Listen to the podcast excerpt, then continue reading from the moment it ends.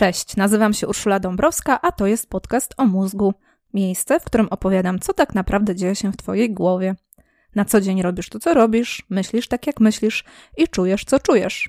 Ale właściwie dlaczego tak, a nie inaczej? Uważam, że jest to pytanie zasadnicze. Hardware i software człowieka fascynują mnie od lat i chcę się tą fascynacją dzielić z Tobą. Dlatego właśnie umysł, mózg i różne aspekty psychiki to tematy kolejnych odcinków tego podcastu.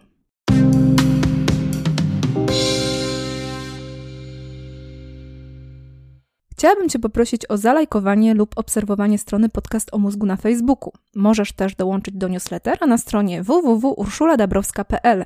Ale co najważniejsze, podziel się tym odcinkiem ze znajomym lub znajomą. Dzisiaj temat dokładnie jak w tytule. Jej wysokość serotonina. To będzie dość długi odcinek, bo co jak co, ale serotonina na taki naprawdę zasługuje. Serotonina to mała i dość prosta cząsteczka, ale o wielkiej mocy. Prawdziwa królowa, albo nawet bogini. Tak to się przynajmniej przez ostatnie 40-50 lat utarło. Postaram się dziś pokazać, dlaczego zarówno nauka, jak i popkultura oddają jej pokłon. Na początek opowiem, jak to się stało, że ją odkryto. Nie jest to taka oczywista historia. Potem przypomnę, za co odpowiada, bo uwaga, uwaga, dobry nastrój to nie wszystko. W tym odcinku rozprawię się również z dwoma mitami na temat serotoniny, a na koniec zrobię coś brawurowego, żeby nie powiedzieć aroganckiego. Zaproponuję detronizację serotoniny. Serotonina bardzo ładnie rymuje się z Maria Antonina, więc można się pokusić też o inne analogie. Ale nie nastawia się na gilotynę, szafot i krwawą rewolucję. Krew się pojawi, a jakże, ale w zupełnie przyziemnym kontekście. No i najważniejsze, powiem Ci dziś, co to wszystko znaczy dla takiego żuczka jak Ty albo ja. Na razie tylko przypomnę, że o serotoninie mówiłam już dość obszernie w odcinku 17 pod tytułem Biochemia radości. Ale wiadomo, królowa zasługuje na osobny odcinek. Jeszcze jedno. Być może ten tytuł zainteresował Cię, bo wiesz, że serotonina nazywa się cząsteczką szczęścia. I być może z tym szczęściem u Ciebie ostatnio krucho. Albo podejrzewasz, że z poziomem serotoniny może być u ciebie coś nie tak. U ciebie albo u kogoś bliskiego. Jeśli tak jest, to zrób mi przyjemność. Wyłącz ten podcast i zamiast tego poszukaj pomocy. Umów się na wizytę u lekarza, psychiatry albo zapisz na konsultację u psychoterapeuty. Pamiętaj, zdrowie najważniejsze, także zdrowie psychiczne. Na początek proponuję krótką opowieść w trzech aktach. Będzie to historia odkrycia serotoniny. Nie zabraknie przygód, zwrotów akcji i heroicznych aktów woli. Nie będzie smoka ani magii, ale pojawią się króliki, szczury, krowy, małże i dużo, dużo krwi. W tej historii będzie też wielu bohaterów, czyli naukowców. Z szacunku do ich pracy podam wszystkie imiona i nazwiska. Będzie ich trochę, ale nie daj się zwieść. Najważniejsza jest ona, królowa serotonina. No to zaczynamy. Prolog. Przenosimy się do lat 30. XX wieku do Włoch. Tu poznajemy Vittorio Erspamera, farmakologa i chemika z Uniwersytetu w Pawi we Włoszech. Vittorio był niezwykły z wielu powodów, ale nas chwilowo interesuje to, że miał niecodzienną pasję. Z zacięciem ekstrahował najróżniejsze substancje. Najchętniej takie, które coś ciekawego robią, czyli naukowo mówiąc, są czynne farmakologicznie. No i jak tak sobie ekstrahował, to znalazł mnóstwo ciekawych rzeczy. Między innymi pozyskał substancję z komórek jelita królika. Nazwał ją enteroaminą. Enteroamina podana do mięśni gładkich powodowała ich kurczenie. Vittorio sprawdzał to, używając macic z gryzoni. I tak macice szczurów pod wpływem enteroaminy kurczyły się. Fascynujące, to znaczy dla mnie nie bardzo, raczej wstrętne, ale Vittorio i świat naukowy uznali to za rzecz godną uwagi. Enteramina rozpalała wyobraźnię naukowców przez kilkanaście lat, a potem zniknęła z naukowych czasopism, wykładów, podręczników, konferencji i laboratoriów. Zaraz dowiesz się dlaczego. Pora na akt pierwszy. Teraz robimy szybki przeskok do USA, do kliniki w Cleveland i jesteśmy już w latach 40. Tu poznajemy lekarza Irwina Page'a, który próbował znaleźć lek na nadciśnienie. Starał się oczyścić krew, żeby znaleźć naturalny czynnik, który powoduje kurczenie się naczyń krwionośnych. Ale cokolwiek by z krwią nie robił, zawsze otrzymywał z próbki krwi niewdzięczny zlepek. koagulat, który do niczego się nie nadawał. Page wiedział, że we krwi musi być jakaś substancja, która to z nią robi, ale nie wiedział, jaka to substancja, a co gorsza, nie wiedział, jak się jej pozbyć. Gdy już przestał się irytować, zrobił coś, czego mężczyźni nie robią zbyt często. Page poprosił o pomoc. O pomoc innych naukowców. Zaprosił do współpracy chemika i biochemiczkę. Byli to Maurice Rapport i Arda Green. Oszczędzę Ci opisu całej żmudnej pracy Maurisa i Ardy. Powiem tylko, że do całego projektu potrzeba było krwi, bardzo dużo krwi.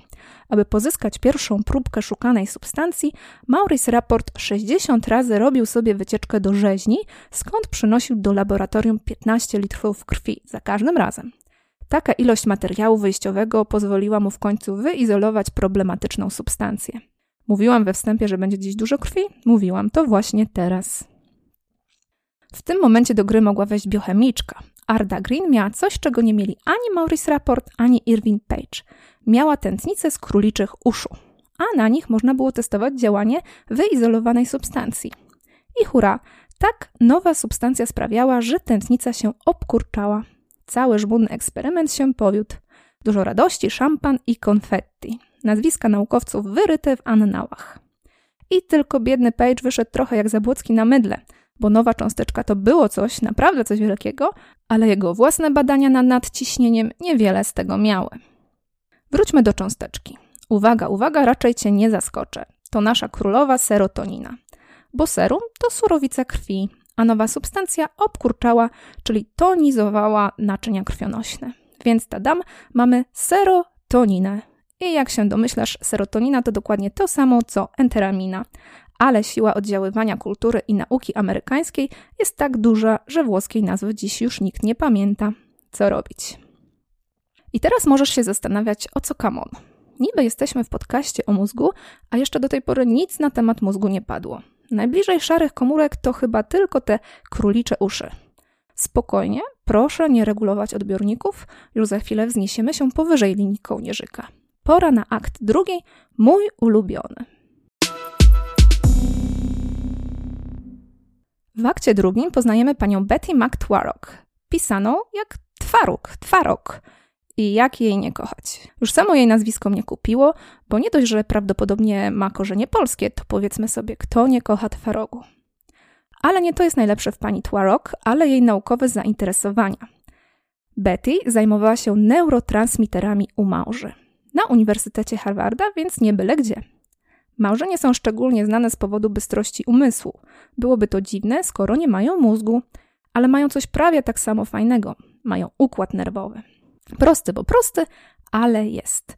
Skoro mają układ nerwowy, to znaczy, że mają komórki nerwowe, a to z kolei znaczy, że mają neurotransmitery, neuroprzekaźniki. I tak powoli zbliżamy się do tego, co tygryski lubią najbardziej. Twarok szybko zidentyfikowała pobudzający neuroprzekaźnik acetylocholinę, ale nie mogła znaleźć tego, co skłania komórki nerwowe małży do sygnalizowania relaksu. Jednocześnie znała odkrycia Erspamera i Page'a. Bystry mózg pani Twarok skojarzył najróżniejsze fakty i voilà. Serotonina okazała się relaksantem nerwów małży. Jak dla mnie bomba, bo to nie jest taki oczywisty przeskok od krwi, naczyń krwionośnych do nerwów i układu nerwowego. Ale tak to już jest w nauce, że niektórzy mają szalone pomysły i nic z tego nie wychodzi, a inni mają szalone pomysły i posuwają wiedzę do przodu. Pani Twarok miała jeszcze jeden szalony pomysł. Była przekonana, że serotonina jest neuroprzekaźnikiem nie tylko u małż, ale też u kręgowców, więcej ludzi. I postanowiła to udowodnić. Porzuciła Harvard, pojechała do Irwina Page'a i przekonała go, żeby pozwolił jej u niego robić doświadczenia z serotoniną. Przypomnę, że Page interesował się nadciśnieniem, a nie mózgiem, więc raczej nie było łatwo. Ale to wspaniała, zdeterminowana kobieta była i dopięła swego. Żeby nie rozwlekać tej opowieści, podsumuję już jednym zdaniem. Tak, serotonina to neuroprzekaźnik. Działa w mózgu kręgowców. Nic tego na początku nie zapowiadało, ale serotonina odgrywa ważną rolę nie tylko we krwi jelitach, ale także powyżej linii kołnierzyka. Odkrycie pani Twarok miało szerokie konsekwencje. Sprawiło, że narodziła się neuronauka w naszym współczesnym rozumieniu. Biochemia mózgu zaczęła być na topie, bo okazało się, że to cały nowy wszechświat cząsteczek, szlaków metabolicznych i oddziaływań. Tylko jeszcze małe ale. Jest rok 1953. Wiemy, co serotonina robi w małżach, wiemy, że jest w mózgach ludzi, ale nie wiemy najważniejszego. Za co właściwie odpowiada w ludzkich i zwierzęcych mózgach? W takim razie pora na akt trzeci naszej opowieści. I teraz kolejny wybitny naukowiec i kolejne nazwisko. Dilworth Wayne Woolley. Pan Woolley chorował na cukrzycę, wskutek czego w wieku 25 lat był już całkiem niewidomy, a jednak to mu nie przeszkodziło przeniknąć tajemnicy serotoniny. Woolley, podobnie jak Twarok, skojarzył fakty z różnych doniesień naukowych i coś mu zaklikało. Po pierwsze, zauważył podobieństwo struktury serotoniny i LSD. Jak to zrobił, to ja nie wiem, bo to wcale nie takie podobne cząsteczki. Ale co ja się znam? Jedyne co umiem, to obejrzeć modele w internecie. Za to Woolley, mimo że niewidomy, zobaczył podobieństwo. Po drugie, uznał, że serotonina musi odgrywać jakąś rolę w chorobach psychicznych i pewnie bierze też udział w uczeniu się i tworzeniu wspomnień. Jak do tego doszedł, też trudno powiedzieć, ale jak pokazały kolejne lata, intuicja go nie zawiodła. Sam Woolley mógł niestety jedynie tworzyć hipotezy. Odważne, ciekawe i całkiem prawdopodobne, ale hipotezy. Na dowody eksperymentalne trzeba było jeszcze poczekać. W kolejnych dekadach setki naukowców zajęło się serotoniną i badało ją na tysiące sposobów. Jej wysokość serotonina wygodnie rozsiadła się na tronie w laboratoriach, głowach, podręcznikach, notatnikach i nie wiem gdzie jeszcze. I teraz krótki epilog z prywatnym wątkiem. Historia odkrycia serotoniny to historia narodzin neuronauki. Bez tych wszystkich zdeterminowanych naukowców nie byłoby tego, co jest. Ani leków na depresję, o tym już za chwilę, ani bardzo popularnej książki Michela Welbecka. Dla mnie najważniejsze jest jednak to, że prawdopodobnie nie byłoby także podcastu o mózgu i musiałabym się zająć jakimś innym tematem. No tylko jakim? Nie wiem. Mniejsza z tym. Kończymy lekcję historii, bo teraz pora na krótki wykład z anatomii. Ok, wiemy już, że serotonina jest w mózgu, ale gdzie dokładnie? W skrócie to można powiedzieć, że wszędzie. Spróbujmy jednak trochę bardziej precyzyjnie. Przypomnę podstawowe fakty i przy okazji powtórzę to, co mówiłam w odcinku piątym podwójne życie dopaminy. Otóż mamy w czaszce mózg. W mózgu mamy wyspecjalizowane komórki, neurony, czyli inaczej komórki nerwowe. Ich praca wpływa prawie na wszystkie procesy w głowie i w ciele. Neurony działają dzięki temu, że przekazują informacje między sobą. Można powiedzieć, że się komunikują. I robią to właśnie przy użyciu neuroprzekaźników. Między innymi przy użyciu naszej dzisiejszej bohaterki, królowej serotoniny. Ale serotonina nie działa sama. Neuroprzekaźników jest bez liku. Naukowcy odkryli i opisali ich już ponad 100. Z tym, że serotonina to jeden z najważniejszych, a przede wszystkim wszechobecnych neuroprzekaźników.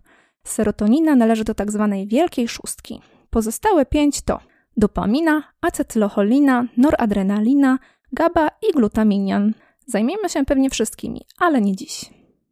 Dobrze, już wiesz, że neuroprzekaźniki przekazują informacje. Jeden neuron produkuje i uwalnia przekaźnik, a drugi go przyjmuje.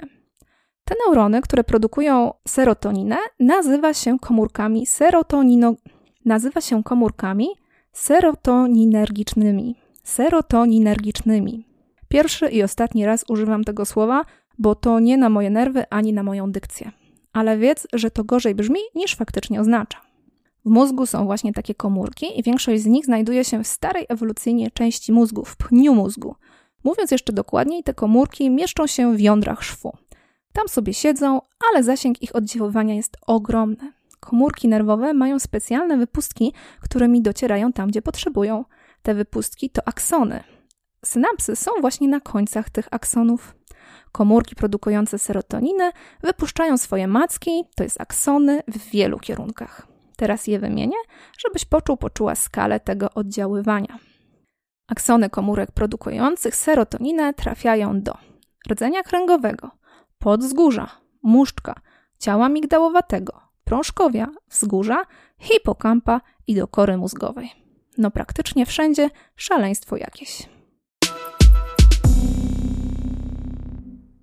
Jeśli teraz Ci powiem, w jakie działania zaangażowana jest serotonina, to już nie będzie Cię dziwić, że to prawdziwa królowa. Bo serotonina bierze udział w odczuwaniu bólu. Reguluje wiele procesów związanych z emocjonalnością i nastrojem, w tym agresję, złość, lęk, a także popęd seksualny. Serotonina odgrywa rolę w percepcji, procesach uwagi, zapamiętywania, w działaniu układu nagrody. Ma też udział w regulacji apetytu i snu. Czyli serotonina macza swoje paluszki praktycznie we wszystkim. No dobrze, nie we wszystkim, ale tak prawie, prawie. To, co warto tu podkreślić, to to, że prawidłowa praca serotoniny jest istotna nie tylko ze względu na emocje, nastrój. Serotonina jest kluczowa dla myślenia, czy jak wolą naukowcy, bierze udział w wyższych funkcjach umysłowych. Spokojnie można powiedzieć, że królowa jest i rozważna, i romantyczna. To na tyle, jeśli chodzi o centralny układ nerwowy, czyli mózg. Ale uwaga, uwaga, serotonina nie ogranicza swoich wpływów powyżej kołnierzyka. Działa też w ciele. Przypominam, że nasi wcześniejsi bohaterowie ekstrahowali serotoninę z komórek jelita i z krwi, czyli nie z mózgu. Co w takim razie serotonina robi w brzuchu? Całkiem sporo. Jeśli słuchałeś, słuchałaś uważnie historii jej odkrycia, to już wiesz. Serotonina bierze udział w krzepnięciu krwi oraz powoduje skurcz mięśni gładkich, w tym naczyń krwionośnych, macicy i jelit. I teraz zostańmy na chwilę przy tych jelitach. Tu muszę Ci się przyznać do skazy na charakterze. Są sprawy, które mnie jakoś nieproporcjonalnie do swojej skali irytują i nie mogę sobie z tym poradzić. To jest właśnie taka sprawa, kwestia serotoniny i brzucha. Co i raz słyszę albo czytam, że do mózgu to najłatwiej przez brzuch, a to dlatego, że coś tam, coś tam serotonina. Kropka. Porządnych konkretów nie ma. Zostaje takie niedopowiedzenie, zawieszenie głosu i domniemanie. Więc teraz konkrety. Mamy kilka faktów. Fakt pierwszy to taki. 90% serotoniny jest produkowane w jelitach i krwi, tylko 10% w mózgu. Fakt drugi. Gdy się najemy, to robi nam się dobrze i przyjemnie. Fakt trzeci. Serotonina w mózgu bierze udział w regulacji nastroju. Fakt czwarty. W bananach jest serotonina, a w innych rzeczach tryptofan, z którego powstaje serotonina. I te cztery fakty jednym tchem są opowiadane albo umieszczane na infografikach razem, ale bez porządnego komentarza. Do tego coraz powszechniejsze jest hasło, że brzuch to drugi mózg, co już jest taką bardziej metaforą, a z metaforą to ja nie dyskutuję. Jednak bez przesady. Mózg to mózg, a obwodowy układ nerwowy to ciało, jelita, interocepcja, propriocepcja, nerw błędny i dużo różnych elementów całej tej pięknej układanki zwanej człowiekiem. I tu ja się irytuję, bo mam wrażenie, że większość ludzi mniej lub bardziej świadomie wyciąga z tego wniosek, że serotonina z brzucha wpływa na nastrój, bo jakoś sobie z niego trafia do mózgu. No nie bardzo. W brzuchu to ona sprawia, że nam jelita ładnie pracują, idziemy do toalety, robimy co trzeba. Rzeczywiście, zwykle to trochę poprawia humor. Ale jak ktoś mówi, że 90% serotoniny jest produkowana w jelitach i mruga okiem, to chyba nie o to mu chodzi. I tu właśnie mam nerwa. Najważniejsze, że ty słuchaczu albo słuchaczko podcastu o mózgu już wiesz, że serotonina serotoninie nierówna. Banany i produkty bogate w tryptofan jedz sobie na zdrowie. Tryptofan to bardzo ważny aminokwas i warto dbać o jego podaż tak czy inaczej. Żeby być już całkiem uczciwą, to tylko dodam, że są jakieś pierwsze doniesienia na temat nerwu błędnego, który pośredniczy między jelitami a mózgiem i może jakoś informacje o ilości serotoniny przekazuje ale nie tak na chłopski rozum, że jemy banana i serotonina trafia do mózgu. Jak nerw błędny robi to dokładnie, tego jeszcze nie wiemy. Przynajmniej ja jeszcze nie wiem. To był pierwszy mit, dość błahy w sumie, tak na rozgrzewkę. Teraz zmierzymy się z kwestią zdecydowanie większej skali. Porozmawiamy sobie o depresji i serotoninie, co w świecie naukowym nazywa się hipotezą depresji zależnej od monoamin, bo serotonina to właśnie taka monoamina. To potężna hipoteza jest, a właściwie była. Totalna rewolucja w myśleniu o chorobach psychicznych. Pamiętasz pewnie, że niewidomy Dilworth Wayne Woolley miał intuicję, że serotonina i zaburzenia nastroju muszą mieć coś wspólnego. To był początek, tak to się zaczęło. Ale najważniejszy przełom nastąpił, jak to się często w nauce dzieje, przez przypadek. Pod koniec lat 50. zaczęto używać leku o nazwie rezerpina – Rezerpina pomagała na nadciśnienie, blokując działanie neuroprzekaźników, w tym noradrenaliny i serotoniny.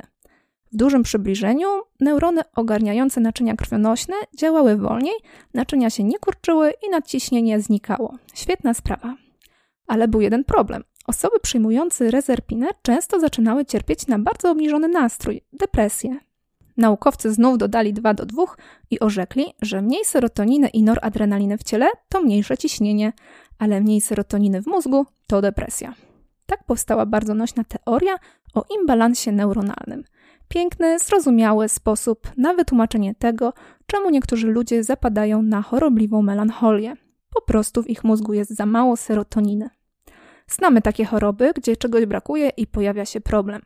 Na przykład szkorbut. Nie ma witaminy C, pojawia się gnicie dziąseł, bóle mięśni i inne takie nieprzyjemne sprawy. Albo cukrzyca. Brakuje insuliny, cukier krąży we krwi zamiast trafiać do komórek i mamy stopę cukrzycową albo ślepniemy. Proste, proste. Czemu nie miałoby to tak działać w mózgu? Naukowcy poszli dalej tym tropem. Na szkorbut trzeba jeść paprykę, owoce albo po prostu brać witaminę C. Na cukrzycę należy podawać insulinę. To na depresję trzeba podać serotoninę. Fajny pomysł, ale jak już wiesz, serotonina z brzucha nie trafia do mózgu. Nawet z krwi nie trafia, bo nie przekreszcza tak zwanej bariery krew-mózg. Pamiętajmy, że chcemy, aby tej serotoniny było więcej w przestrzeni synaptycznej, a właściwie w milionach takich synaps. Jak tam trawić? Ciężko. Rozwiązaniem okazały się lekarstwa o skomplikowanej nazwie tzw. Tak SSRI Selective Serotonin Reuptake Inhibitors, czyli inhibitory zwrotnego wychwytu serotoniny. Te lekarstwa nie są serotoniną samą w sobie, za to sprawiają, że gdy już serotonina trafi do synapsy, to tam zostaje. Innymi słowy, działa dłużej niż normalnie. I to naprawdę działa. Lekarstwa SSRI pomagają osobom z depresją i stanami lękowymi. Podobnie działają i podobnie pomagają leki SNRI, które nie tylko wspomagają serotoninę, ale także noradrenalinę. Czy to znaczy, że hipoteza depresji zależnej od serotoniny pozostaje w mocy? Czy naprawdę chorobliwa melancholia to wynik imbalansu neuronalnego? Ciężko powiedzieć. Chciałabym dać Ci teraz jednoznaczną odpowiedź tak albo nie, no ale się nie da. Zdania są podzielone, choć szala przechyla się coraz bardziej w stronę nie. W latach 80., 90. teoria niedoborów neuroprzekaźników była bardzo popularna. Brzmiało to tak pięknie. Lekarz wiedział, jak wytłumaczyć osobie z depresją jej problem. Chory dowiadywał się, że jego problem ma proste, jednoznaczne wytłumaczenie. Dostawał lekarstwa, które choć nie zawsze, ale bardzo często mu pomagały. Firmy farmaceutyczne zarabiały coraz więcej i tak to się toczyło. Aż zaczęło pojawiać się coraz więcej krytycznych głosów. Do dziś naukowcy jednak nie doszli do porozumienia. Jedyne, co udało im się ustalić, to coś w stylu: Mózg to bardzo skomplikowany organ i słabo go rozumiemy. Coś już wiemy, ale jeszcze dużo nie wiemy. Dzisiaj raczej myśleć o lekach SSRI nie jak o insulinie, lecz jako o aspirynie. Wiadomo, gdy głowa boli, to można zjeść alkazelcer i ból ustępuje, ale to wcale nie znaczy, że migrenę spowodował niedobór z aspiryny. Oczywiste. Dlatego hipoteza depresji zależnej od deficytu serotoniny powoli odchodzi do lamusa. Królowa zeszła z tronu, odłożyła koronę na półkę i zajęła się swoją robotą. Serotonina jest ważna, ale bez przesady. Współcześnie już w ogóle mało kto myśli o chorobach psychicznych w taki redukcjonistyczny sposób. W badaniu zdrowia i dobrostanu człowieka obowiązuje model biopsychosocjokulturowy. Depresja, choroby i zaburzenia mają zwykle bardzo złożone podłoże. No i to oczywista oczywistość, ale warto sobie to podkreślić. Szczególnie, że słuchając mnie, możesz czasem odnieść wrażenie, że jest inaczej, że tylko mózg, ewolucja, hormony i neuroprzekaźniki. Sorry, rzeczywiście trochę mam wykrzywione spojrzenie. Spotykamy się w podcaście o mózgu, więc siłą rzeczy patrzę tu na człowieka przez pryzmat neuronauki. Bardzo dobry pryzmat, niezwykle interesujący, ale nie jedyny. Bo człowiek to jego geny, jego fizjologia, ale także psychologia, kontekst społeczny, kulturowy, doświadczenie, życiowe wybory, wydarzenia i do tego nawet aspekt duchowy czy też transcendentny.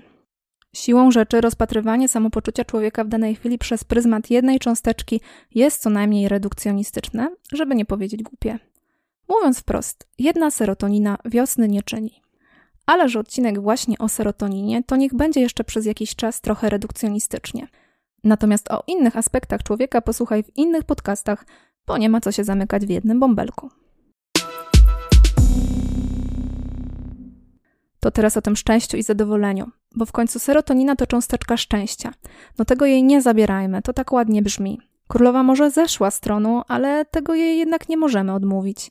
Wydziela się, gdy jest nam dobrze, milusio, błogo. Ale szczęście ma nie jeden wymiar. To serotoninowe szczęście to jest takie szczęście najedzonego, majestatycznego lwa leżącego na sawannie i podziwiającego zachód słońca. Bezpieczny, pewny siebie, zadowolony, zrelaksowany, opanowany. Nikt mu nie podskoczy, nic mu nie potrzeba. Nie wiem czemu tak mi się kojarzy, ale właśnie taki obraz mam, gdy myślę o serotoninie. Być może obraz lwa do ciebie nie przemawia, spróbuję inaczej. Lubię tłumaczyć działanie serotoniny przez porównanie do dopaminy. Dopamina to cząsteczka nagrody i motywacji. Sprawia, że czujemy się dobrze, nawet bardzo dobrze, gdy do czegoś dążymy i to osiągamy. Odhaczamy zadania, wygrywamy wyścig, kończymy projekt. Albo kupujemy pyszny tort, odpalamy kolejnego papierosa, sięgamy po kolejną działkę kokainy. To znaczy nie my to robimy, my to najwyżej tort. W każdym razie dopamina to jest cząsteczka, która odpowiada za uczucie, ale mi dobrze, chcę tego więcej. Stąd nałogi, pracoholizm i takie tam. Natomiast serotonina to raczej błogie zadowolenie. Ale mi dobrze, nie potrzebuję niczego więcej, niech ta chwila trwa. W odcinku o biochemii radości mówiłam już, że serotonina to też cząsteczka poczucia, że jestem ktoś. Naukowcy wiążą to z naturalną potrzebą ssaków do osiągania wysokiego statusu społecznego w stadzie, rodzinie albo tak jak my w społeczeństwie. Wydaje się, że serotonina wydziela się hojniej u osób, które mają przekonanie, że są spoko, dają radę. Podsumowując, dopamina to nagroda i motywacja, serotonina zadowolenie i błogostan. Dopamina to bardziej przyjemność i satysfakcja, serotonina bardziej szczęście. I tu pora na osobistą refleksję, moją i Twoją.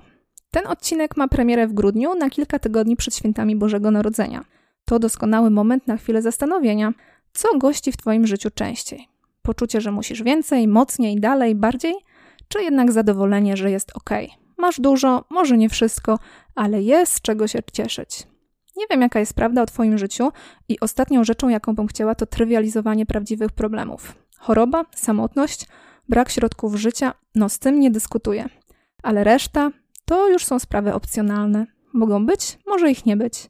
Żeby nie było, wiem doskonale z własnego doświadczenia, jak to jest. Pogoń za nowymi osiągnięciami, rzeczami, a nawet doznaniami potrafi przysłonić najważniejsze. A najważniejsze jest to, że nawet bez tych rzeczy jest naprawdę spoko. Świat jest spoko, inni ludzie są spoko, nawet ja jestem spoko. A już na pewno ty, słuchaczu, słuchaczko podcastu o mózgu, jesteś spoko. Bardzo spoko. Serio, serio. I tym optymistycznym akcentem dziś zakończę.